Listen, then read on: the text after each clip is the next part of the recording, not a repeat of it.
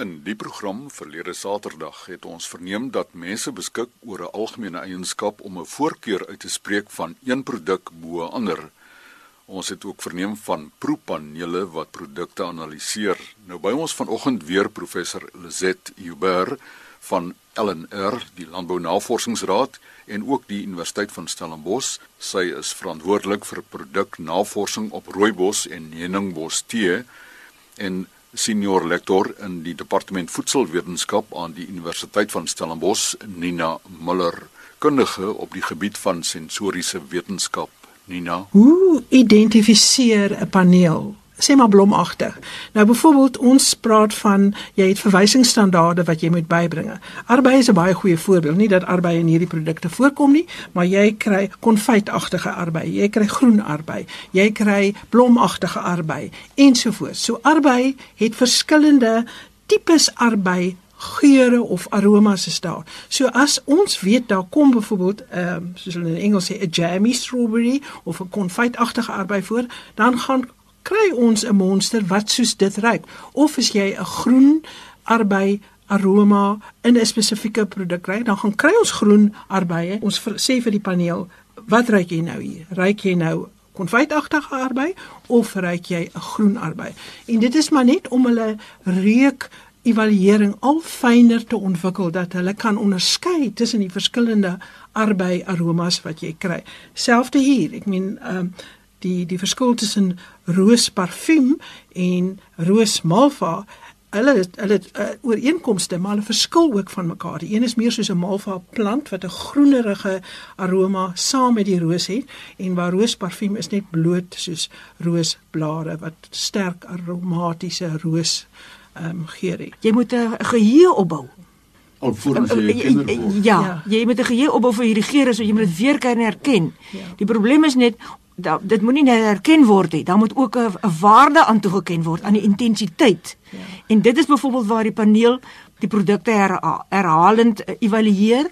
Daar word ook ehm um, Nina het ehm um, sagte ware programme wat hulle kan kyk hoe konstant proe die panele dat hulle van as hulle data nie um, of hulle resultate nie um, goed genoeg is word die panele se data word uitgegooi want anders dit kan heeltemal die um, die die die as jy statistiese analise van die data doen dan kan dit heeltemal die vir jou 'n skewe antwoord gee.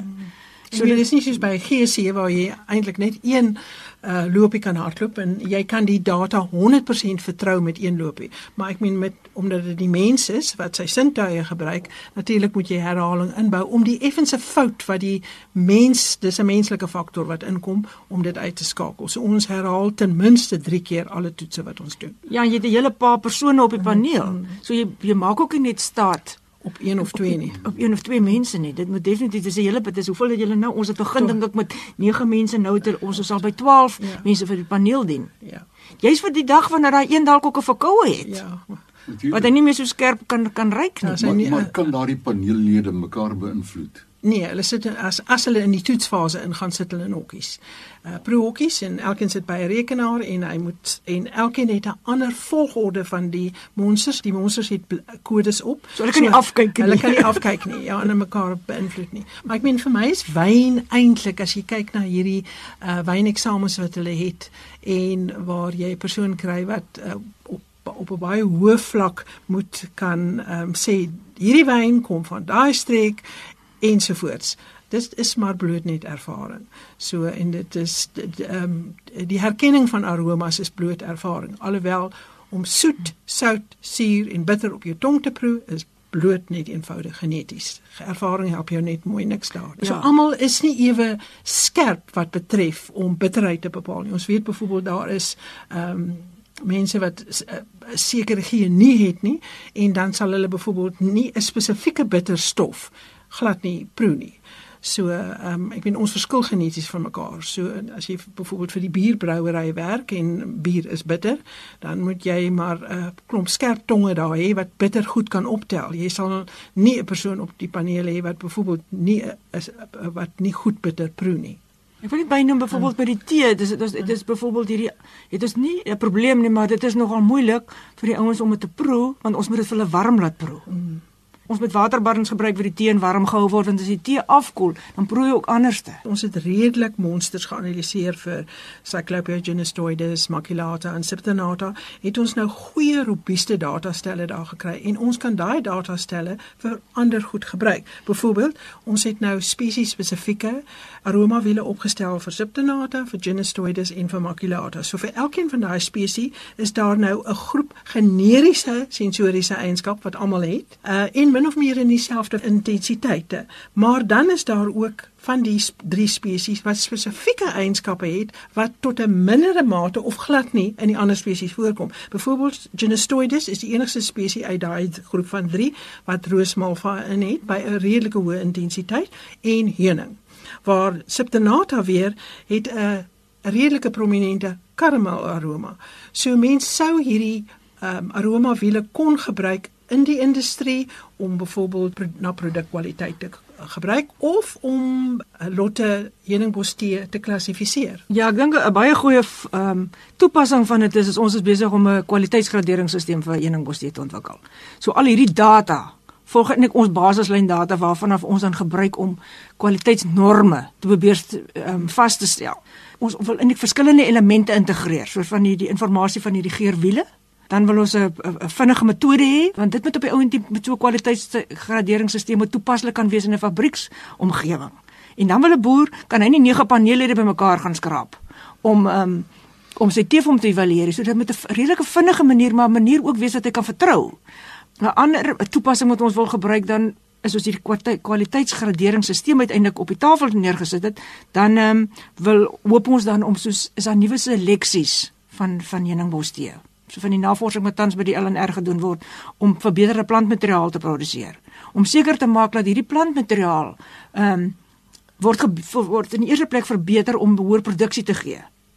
Maar dit help jy ons het ehm um, plantmateriaal wat hoë produksie gee, maar dit maak vir jou goeie kwaliteit tee nie. Met ander woorde dit word dan dit kan kan ons hierdie graderingsstelsel kan ons dan ook gebruik om hierdie verbeterde plantmateriaal te evalueer en te sien of hulle nog steeds goed genoeg is, ook in terme van kan hy 'n goeie koppie tee maak.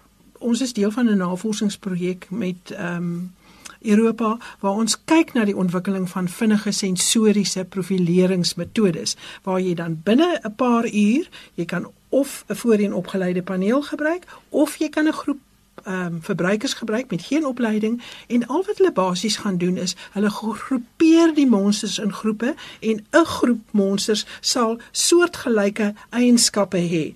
Ehm um, hulle is nie identies aan mekaar nie, maar hulle deel 'n groep eienskappe. En dit is 'n fantastiese manier en 'n vinnige manier om te kyk is hier groeperings verskillende produkgroepe in my groot stel monsters wat ek wil analiseer. Ek weet byvoorbeeld een maatskappy wat lae alkoholprodukte produseer, het byvoorbeeld die hele mark se 5% alkoholprodukte ehm uh, het hulle gevat en hulle het hulle vir klomp verbruikers gesê verdeel hulle ons daai produkte in groepe.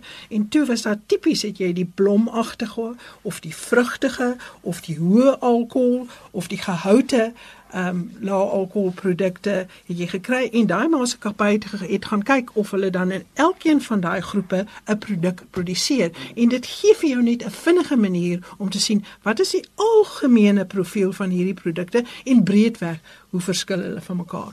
Nou dit is ideaal 'n manier vir die bedryf om te gebruik en dit is ek dink met aanpassings kan ons in die toekoms moontlik kyk hoe hierdie vinnige profileringsmetodes gebruik kan word, byvoorbeeld om produkte te klassifiseer of om produkte te gradeer. In wyne kry jy medaljewenners of jy kry plonk.